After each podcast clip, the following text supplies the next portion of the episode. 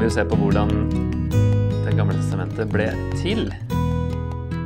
Og hvorfor det er akkurat de bøkene, de 39 bøkene som vi har. Um, har jo lagt en oversikt sånn om hva vi skal snakke om. Um, vi tenkte å fokusere på de, de, tre punktene her. da. Det at kanon, altså dvs. Si at Gammeltestamentet var avslutta og lukket, som man snakker om, før Jesu tid.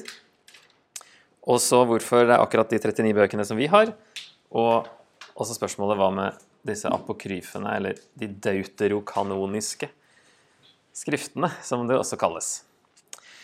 Så det blir ikke så, det tar ikke så lang tid som Nytestamentet, men det er jo et ganske uoversiktlig og komplisert tema dette når det gjelder Gammeltestamentet.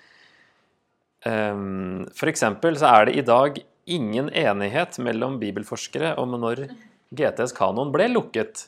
Og forslagene varierer fra 400 før Kristus til 100-tallet etter Kristus. Men nå kommer jeg til å da, eh, legge fram de argumentene for at det var at det var før Kristus, kanskje i andre århundre eller sånt eh, senest, at, eh, at, det var liksom ferdig, og at det var man klar over. Men det er sånt Det er veldig mange meninger her. Det skyldes få kilder. Det er jo ganske lenge siden dette her. Så vi har ikke så veldig mye å gå på. Og så er det forskernes tolkninger av disse kildene.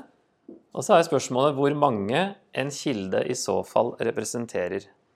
Når du har en person som har sagt eller gjort et eller annet, eller en gruppe rabbiner, eller noe sånt, så vet man jo ikke om det var universelt, eller om det var eh, bare noens personlige meninger. Og så vet vi at det foregikk en rabbinsk debatt, altså debatt mellom rabbinere, angående noen av skriftene så sent som i det andre århundret etter Kristus. Da er vi på den siste dateringa her, da, hundretallet etter Kristus. Det er jo samme som andre århundre. Og for noen vil dette bety at GT-kanoen ikke var lukket da, selv om Esekiel var en av bøkene som ble omtalt, og selv om det ikke er noen tvil om at den allerede var kanonisert mange hundre år før. Så vil noen da Det er litt sånn derre litt forskjell på om man er historiker eller teolog, virker det som. Om man har en historisk innfallsvinkel eller en teologisk innfallsvinkel. Eh, historisk vil man da som regel konkludere veldig sent, ettersom man tar da denne debatten her som et tegn på at det var i hvert fall noen som ikke var enige, eh, og dermed eh, er den fortsatt åpen. Men så er det et spørsmål om hva de faktisk debatterte her òg, for de snakker om hvilke skrifter som gjør hendene urene, tror jeg. Men altså, det vil si at det er så hellig at du blir uren av å ta på det, eller noe sånt. Eh, men altså, det er liksom hva, hva de nøyaktig snakka om, er man ikke helt sikre på. Men så er det noen som tolker det som at de debatterte om Esekiel f.eks. skulle være med i kanoen, Og det er veldig rart om de gjorde det, for det var mange hundre år siden den ble skrevet og var brukt i lang tid da, og vært en del av den samlinga lenge. Men det er liksom en av de, de, siste tingene som skjer, og for noen er det avgjørende, for andre ikke. Og så var det lenge en teori om at kanoen var åpen til det som ble kalt synoden i Jamnia i år 90 etter Kristus. Men dette har man i stor grad gått bort fra nå. Altså det var en periode Eller man tenk, hadde sånn, nesten lagd et sånn hypotetisk eh, tilsvarende et kirkemøte da, for jødene og at de der ble enige om, så sent som i år 90, ble enige om eh, hvilke bøker som skulle være med. Men det har man da Det er liksom interessant med de forskerne som holder på ut fra en teori, og så finner man etter hvert at nei, den, rammeverket vårt stemmer ikke, si, og så begynner man å tenke annerledes. Sånn at den, eh, det er en gammel teori, da. At man nå har nok eh, åpna for muligheten at det var avslutta lenge før 90 etter Kristus. Og en eh, av våre norske autoriteter på dette her er jo Oskar Skarsaune, som var professor i kirkehistorie på MF. Han eh, sier bl.a. at det er gode argumenter for det syn at hele GTs kanon var lukket før det første århundret etter Kristus, altså før Jesu tid. Lukket, dvs. Si, det var ikke mulig å få noen flere bøker inn i Gamle testamentet. Det vil jo si at Jesus hadde samme GT som oss, og det er liksom noe av det nyttige vi kan ta med oss her. da. At når Jesus snakker om Gamle testamentet, så snakker han om de samme bøkene, og han snakker om det som Guds ord. Og at vi kan ta Jesu eh, holdning da, til Det gamle testamentet og kalle det for Guds ord. Og da er det noen argumenter som støtter denne tolkningen her, eller dette, dette argumentet. Det er flere, flere, argumenter som støtter dette argumentet. Eh, og nå blir det jo litt sånn teknisk, men det blir det gjerne i disse temaene. Vi må tilbake og se i noen skrifter som vi ikke har sett i før. Og det er faktisk en av de bøkene som er i apokryfene, som heter Siraks bok. Som har et forord som er yngre enn selve boka, og som er skrevet på gresk, selv om opprinnelig så var nok boka på hebraisk. Men eh, det er barnebarnet til han Sirak som skriver eh, et forord. Og han, si, og han daterer det til 132 før Kristus. Og han sier da gjennom loven, profetene og de senere skriftene Da har vi de tre samme som eh, eh, Som jødene i dag snakker om sin hebraiske bibel på. da. Loven, profetene og skriftene. Den tredelingen der. Gjennom loven, profetene og de senere skriftene har vi mottatt mange viktige lærdommer. De som studerer disse skriftene, må ikke gjøre det bare for å vinne lærdom for seg selv, men de som selv elsker lærdom, bør både i skrift og tale dele sin viten med dem som står utenfor.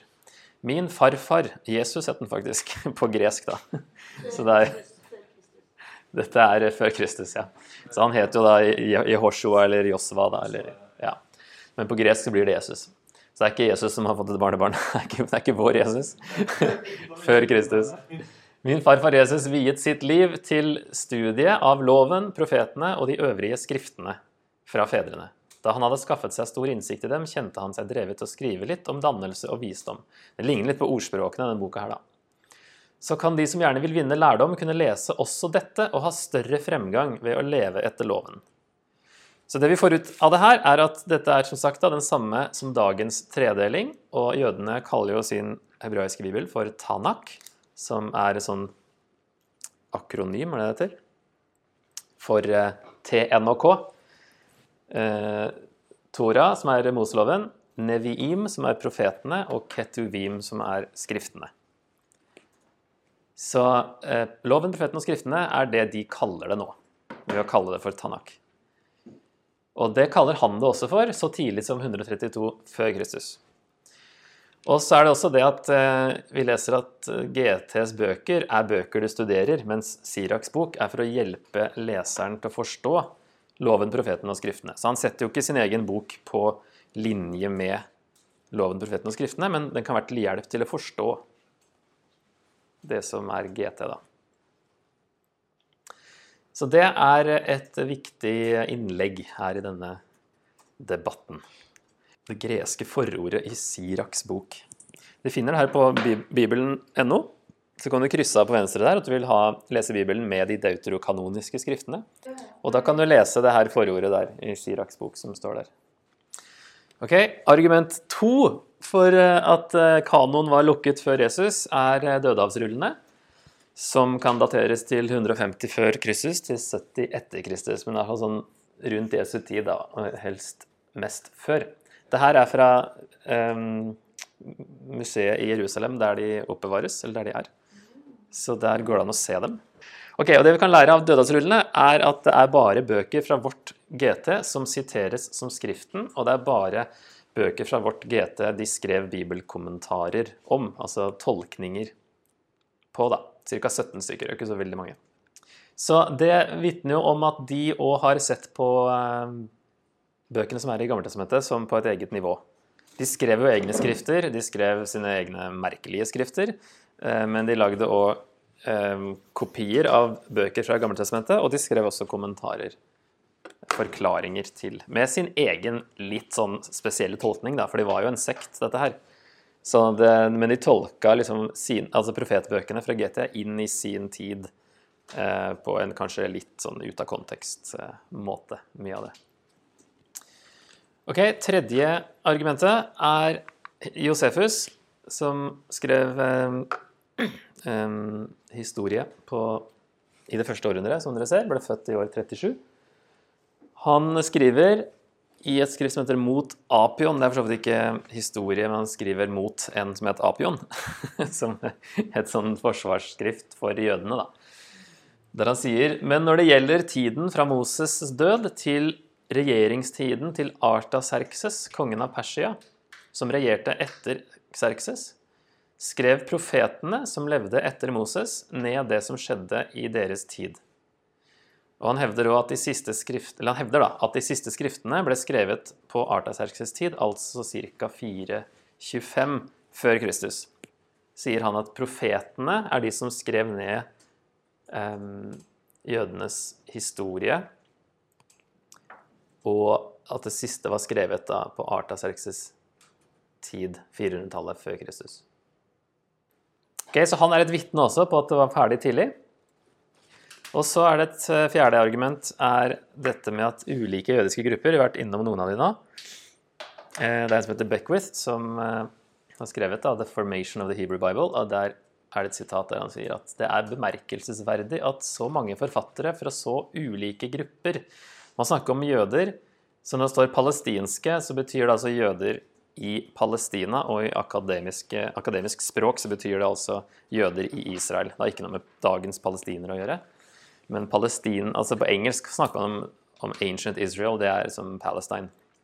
Så bare glem politikk og, og sånn Midtøsten-konflikt. Det er altså um, jøder i Israel, helenistiske, altså greske jøder, jøder i, greske, i den greske verden utenfor Israel. Fariseiske, essenske, altså dødagsrullene, og kristne jøder. Altså det vil si messiastroende jøder. Sant? Jødekristne. Alle disse grupperingene av jøder over en periode fra det andre århundret før Kristus eller første århundret etter Kristus viser en slik enighet om den hebraiske kanon. Det er bemerkelsesverdig, synes han. At alle er enige om hvilke bøker som skal være der. I hvert fall er det ikke noe som tyder på at de eh, er uenige. Ingen av disse vitnene er opptatt av å understreke autoriteten til bøkene de nevner. I stedet går de alle ut fra, at, uh, ut fra Bibelens autoritet, og de går videre til å debattere tolkningen av dem. Og Det ser vi òg i evangeliene, at når Jesus eh, debatterer fariseere og sadukere og andre, så snakker de aldri om hvilke bøker som skal være med eller ikke. Selv om eh, sadukeerne var vel eh, skeptiske til alt unntatt Moseloven, tror jeg. Men uh, når de kommer med det her eh, spørsmålet sitt, så sier Jesus bare at eh, dere farer vill for dere ikke kjenner Skriftene. og heller ikke Guds makt, eller noe sånt. Så, men det er interessant da, at det er ikke noe debatt om det fra etter det andre århundret da, og, og framover. Alle disse forskjellige ser ut til å ikke henge seg opp i om bøker skal være med eller ikke. Så når Jesus kalte da disse bøkene for Guds ord, så har kristne overtatt det og kaller også de samme bøkene for Guds ord. Da. Ok, Så det var første punktet. Argumentet for at det var i hvert fall ferdig før Kristus, denne samlingen. Ok, Da er neste spørsmål da, hvorfor akkurat disse 39 bøkene som vi har?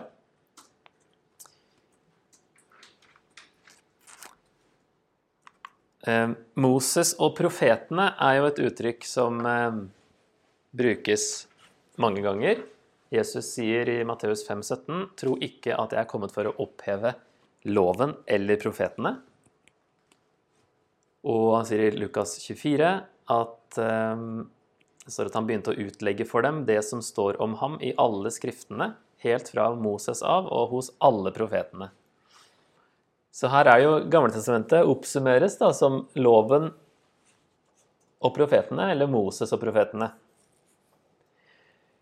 Og så ser vi hebreerne 1 starter med å si mange ganger og på mange måter har Gud i tidligere tider talt til fedrene gjennom profetene. Men nå, i disse siste dager, har han talt til oss gjennom Sønnen. Da har du liksom profetene er Gammeltestamentet, Sønnen er Nytestamentet. Fordi Profetene er ikke bare det vi snakker om som profeter.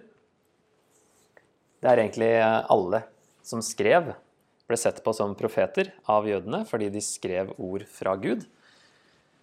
Um, og noen av de historiske bøkene skal vi se på neste side her, at uh, noen av de som vi har som historie, det ble uansett kalt profeter av jødene. Så av og til så er det loven, profeten og skriftene. Det er en litt senere eh, Eller i, det nærmeste vi kommer, er nok det Jesus sier enda litt etter det her, i Lukas 24, at den loven, profeten og salmene, som kanskje da en eh, sånn Salmene representerte skriftene, den tredje delen. Men ofte så refererer de bare til loven og profetene, eller Moses og profetene. Og i 2. Peter 3,2, så det så vi på i går, jeg ville minne dere om det de hellige profetene har sagt, og om det budet deres egne apostler har fra Herren og Frelseren. Da får vi jo liksom GT og NT på en måte i disse to referansene i Nytestamentet, der GT bare kalles profetene. Jesus sier også i bergprekenen at uh, alt dere vil at andre skal gjøre mot dere, det skal også dere gjøre mot dem, for dette er loven og profetene. Og Paulus sier i Apostelens gjerninger 26 i et av disse forhørene Jeg har ikke sagt annet enn det profetene og Moses sa skulle hende, at Messias skulle lide. Så Moses og profetene, loven og profetene. Så hvis vi ser på hvordan de delte inn, da, så har vi de tre loven, profetene, skriftene. Eh, loven er i Mosebøkene. Profetene, da har vi de eldre og de yngre profetene. Som de har noen av de historiske bøkene som eldre profeter. Så der ser vi da at de så på forfatterne av Altså, Moses var jo den største profeten av alle. ikke sant? Og så har vi i hvert fall Josfa, dommerne, Samuel og kongebøkene, som, som, var skrevet, eller som kalles eldre profeter. Så det er jo tydelig at de så på det som profetiske bøker. sånn sett. Så har de det som vi ville si er profetbøker, som de yngre profetene. Og så er det noen av de òg som Og noen fra, fra, den forrige, altså fra profetkategorien, da, som, eh, som er i den tredje her, med krønikebøkene og Ruth, f.eks. Estra Nehemia, Ester. Og så har de de poetiske, Jobb, salmene, ordspråkene, forkynneren, høysangen og klagesangene. Og så Daniel, da, som vi er, har blant de yngre profetene vil jo da egentlig passe inn i her. Og Så ser vi jo at David kalles en profet i Apostelens gjerninger 2.30, og Daniel kalles en profet av Jesus i Matteus 24, selv om han hører til i Skriftene. Så um, mye som tyder på at de så på alt som eh, profetisk. Loven og profetene, at det er Gamle testamentet. Men de skrev på vegne av Gud, på en måte. De skrev Guds historie. Så de satte det veldig høyt, det profetene hadde skrevet. Ok, Litt mer om Moses og profetene. Eh, det er jo det jeg har sagt nå, da, for å oppsummere, at jødene så på alle forfatterne av sine skrifter som profeter, nettopp fordi de skrev ord fra Gud. Og da, siden de gjorde det, så er det naturlig å tenke at skriftene ble tatt vare på og lagt til i en samling i telthelligdommen og senere i tempelet. Vi har noen vers som eh, som eh, peker i den retningen. Så 5. Mosebok 31 så står det 24 og 26 til 26. Da Moses hadde skrevet ned denne lovens ord fra begynnelse til slutt i en bokrull, ga han levittene som bar Herrens paktkiste, dette påbudet. Ta denne lovboken og legg den ned ved siden av paktkisten til Herren deres Gud. Der skal den ligge som et vitne mot deg. Så der legger de inn i eh, Eller ja, inn i det aller helligste, ved siden av paktkista. Det, han, det Moses har skrevet. Og så skjer det samme med Josva. Helt på slutten der, 24-26. Han skrev disse ordene opp i Guds lovbok, så tok han en stor stein og reiste den der under eika som står ved Herrens helligdom. Og han skrev i hvert fall disse ordene opp i Guds lovbok, står det.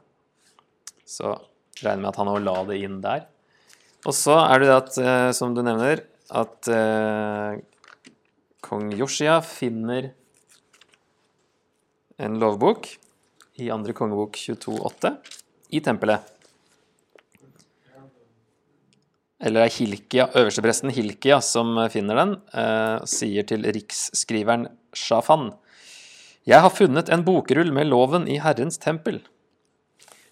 Da vil det si at de ikke har vært så veldig på det her med loven, når de ikke visste om den engang. Og så driver de og skal restaurere tempelet, og så finner de plutselig en lovrull inni der. Bare wow! Så det fører jo til eh, reformasjon da, eh, av kong Joshia. Da Joshia hørte det som sto i bokrullen, flerret han klærne sine.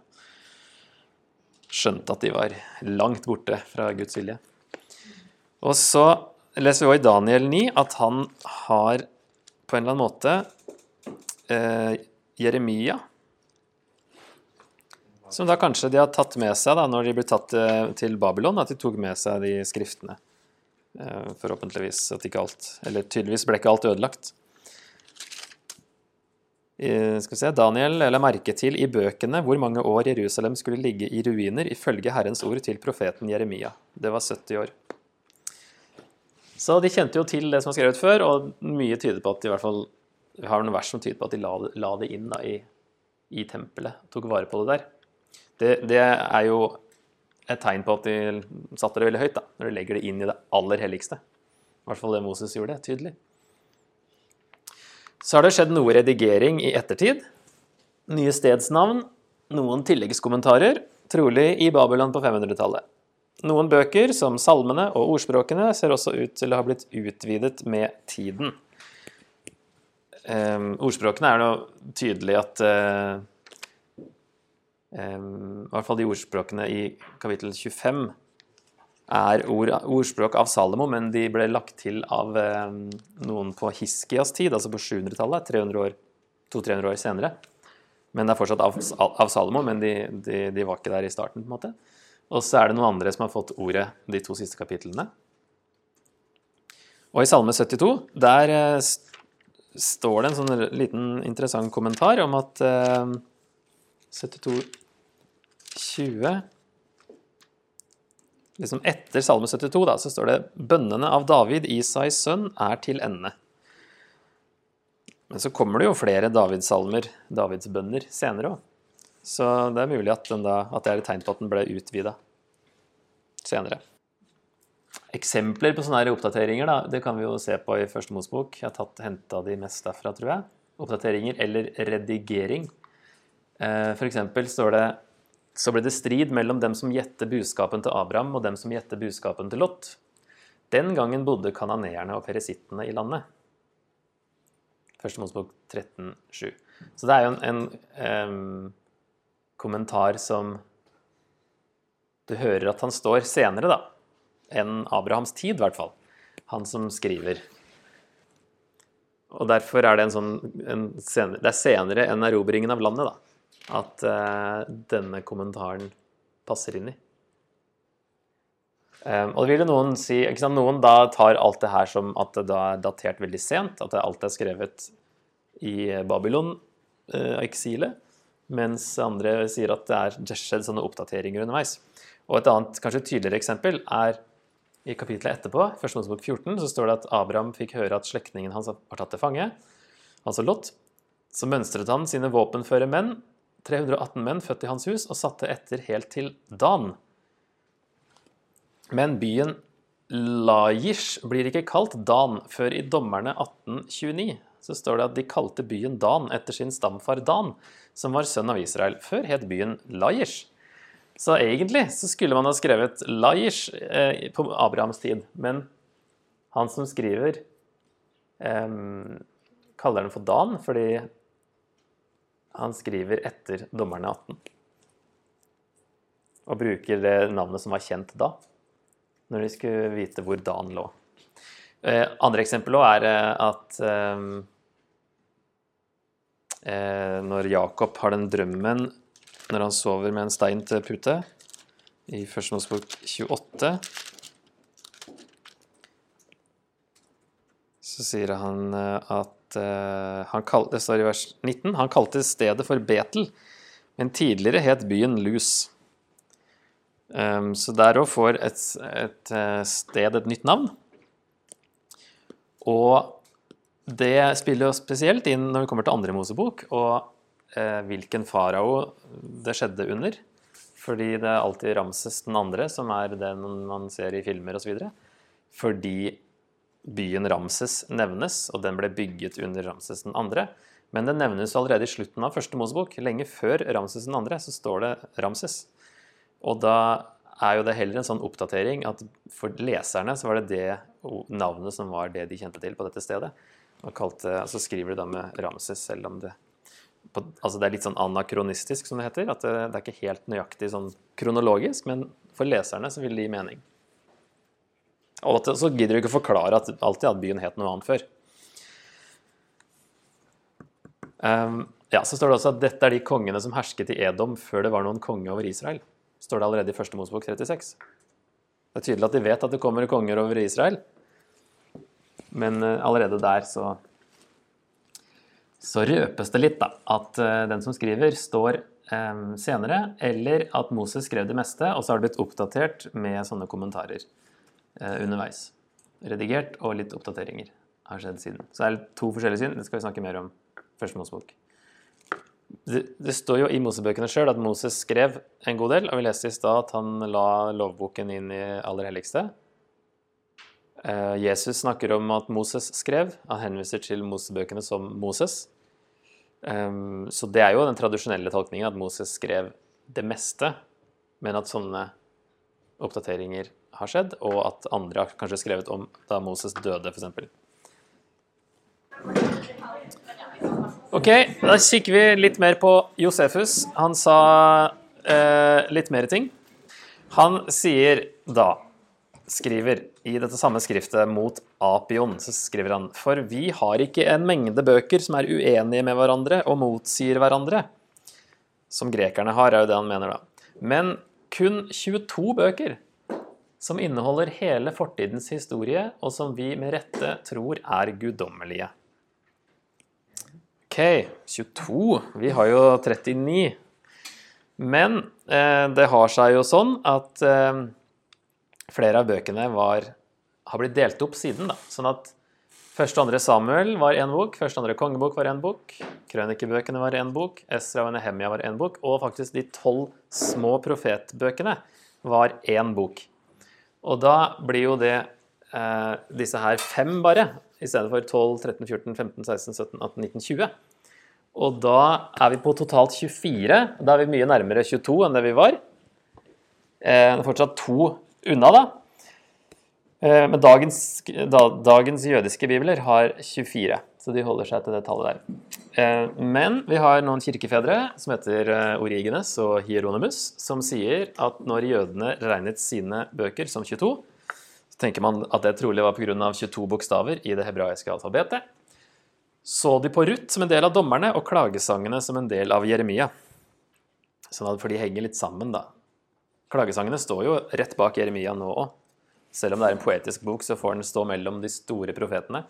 Fordi den eh, er liksom en epilog til Jeremia. Og at Ruth skjer i dommertida. Og eh, vi har også denne 22-tallet 22-tallet i flere manuskripter av det greske Gamle testamentet, som heter Septuaginta, som vi kommer litt mer til etterpå. Og hos eh, en som heter Meliton, en, eh, på ca. 180 etter Kristus. Så kan det ha vært flere eller noen grupperinger kanskje som hadde flere eller færre bøker, men det virker som at det her er det offisielle tallet. da, 22, altså de som er de samme da, som våre 39. For det er sannsynlig at Josefus òg slo sammen Ruth og dommerne og klagesangene og Jeremia, sånn at han snakker om også om de samme som vi har, da.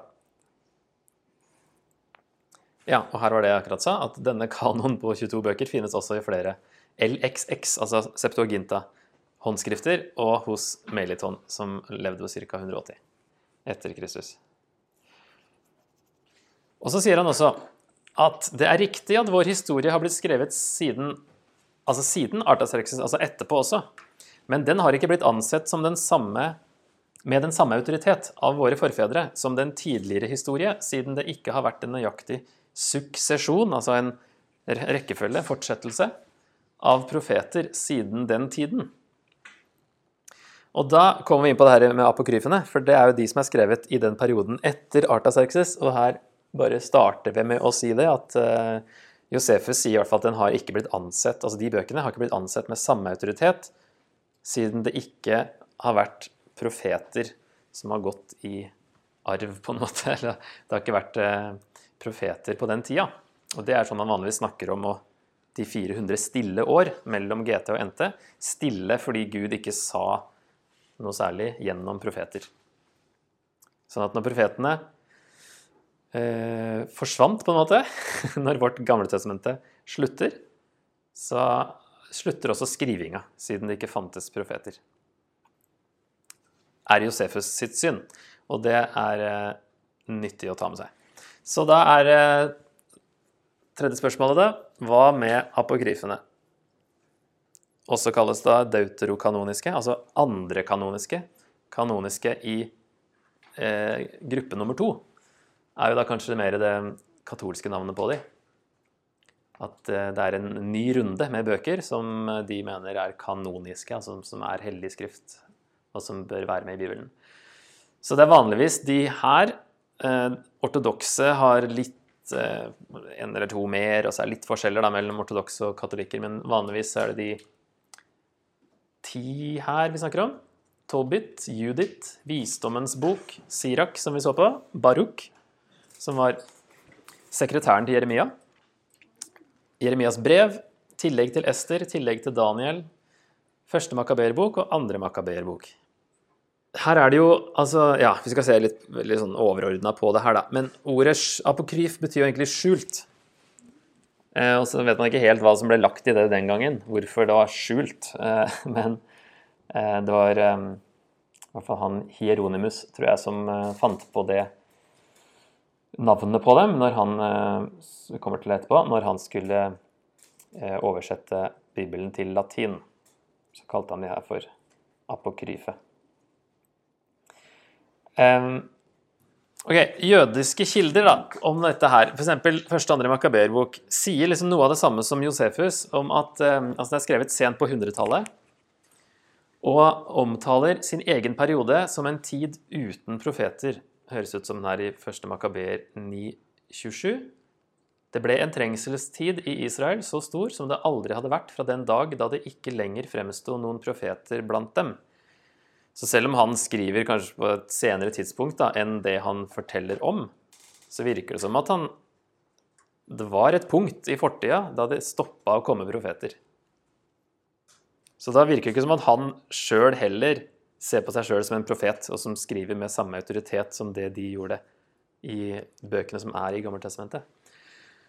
Og I andre Makaberbok så refereres det da til loven og profetene også som en autoritet. Han ansporet dem med ord fra loven og profetene og minnet dem, om, minnet dem også om slagene de allerede hadde utkjempet. Slikt økte han deres mot. Så der er jo loven og profetene på et annet nivå enn disse bøkene som, som vi leser dette i. Og så er det også det at de er bevart i sin helhet på gresk, ikke på hebraisk, selv om noen av dem opprinnelig er skrevet på hebraisk. Salomos visdom er f.eks. ikke skrevet av Salomo, siden alt tyder på at originalen var på gresk. Det er ikke noe spor av at den er blitt oversatt fra hebraisk. Den er rett og slett på gresk, og skrevet da på 100-tallet eller, eller første århundre før Kristus, eller rundt der. Um, og heter Salomos visdom, men ja, knyttes til visdomstradisjonen, på en måte, men er jo ikke skrevet av Salomo. Så det er jo også litt sånn misvisende titler på noen av de, da. Og så har vi sett at Josefus regnet dem ikke som en del av jødenes bøker. Så hvis vi skal se på kirkens syn og bruk, så antas det ofte at Septuaginta, altså den som kalles forkortes LXX, som betyr 70, som du ser inni sept der, er jo sju. Denne legenden om at det var 70 rabbinere som eh, oversatte den eh, hver for seg og endte opp med akkurat like manuskripter eller noe sånt. Um, så det er den greske GT-oversettelsen som ble brukt av de første kristne. Og så antas det ofte at den inneholdt apokryfene i det første århundret, og at de første kristne dermed brukte dem, apokryfene, som en del av GT. Men dette er usikkert. Det sier også Oskar Skarskjellene, at dette er en antagelse. Um, de eldste utgavene av Septuaginta med apokryfene de er fra 300-tallet, så de, vi vet ikke noe før det, om de var med i apokryfene før 300 nei, var med i Septuaginta før 300-tallet. Men man antar at siden det er det på 300-tallet, så var det også før det. Men det er en antakelse. Og vi har òg visse kirkefedre, Meliton da, som nevnt, Origenes og Athanasius og Hieronymus. da har vi nevnt alle disse her tror jeg tidligere, så nå begynner du å bli litt kjent med dem. De ramser opp GT-bøkene uten apokryfene. Så selv om de skulle finnes i Septuaginta-manuskripter, så betyr ikke det at de ble ansett som samme linje som de eh, andre hebraiske. da. Så når de skal skrive hvilke bøker de har i Gammeltestamentet, så selv om det er før år 300, mange av de, så, eh, så har, nevner ikke de apokryfene, da. Og her kommer dette med Hieronymus. Da han oversatte Bibelen til latin i ca. år 400, utelot han først apokryfene fordi de bare fantes på gresk. Så han sa han var ikke sikker på om de var inspirert, siden de var skrevet på gresk.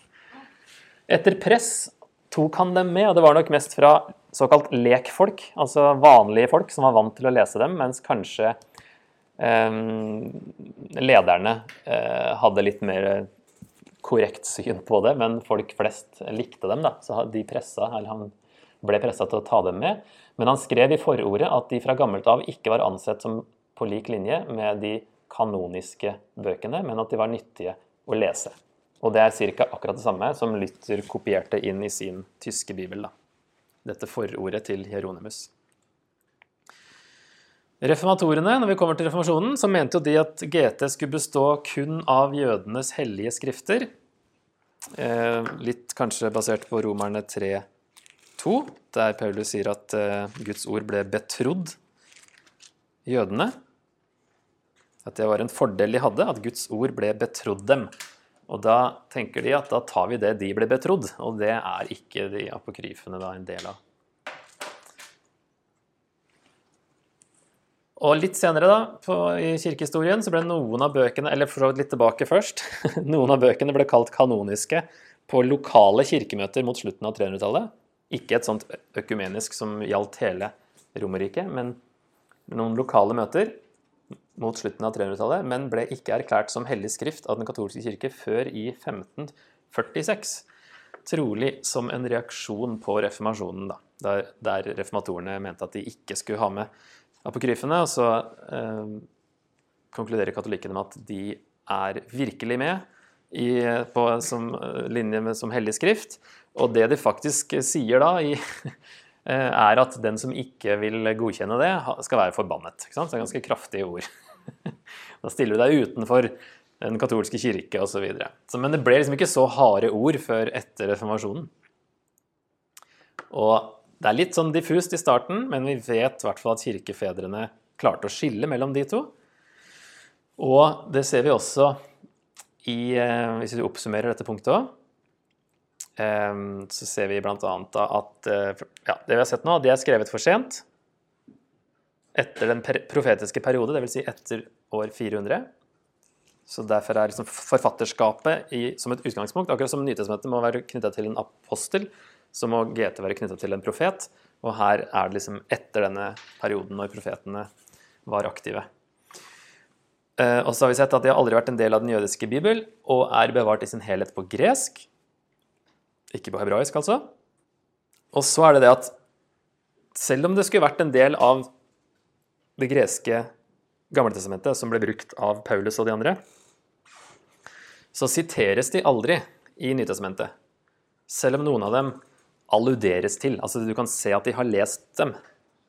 Men det er aldri sitater, og aldri liksom da kalles Skriften eller Guds ord, siden de aldri siterer dem.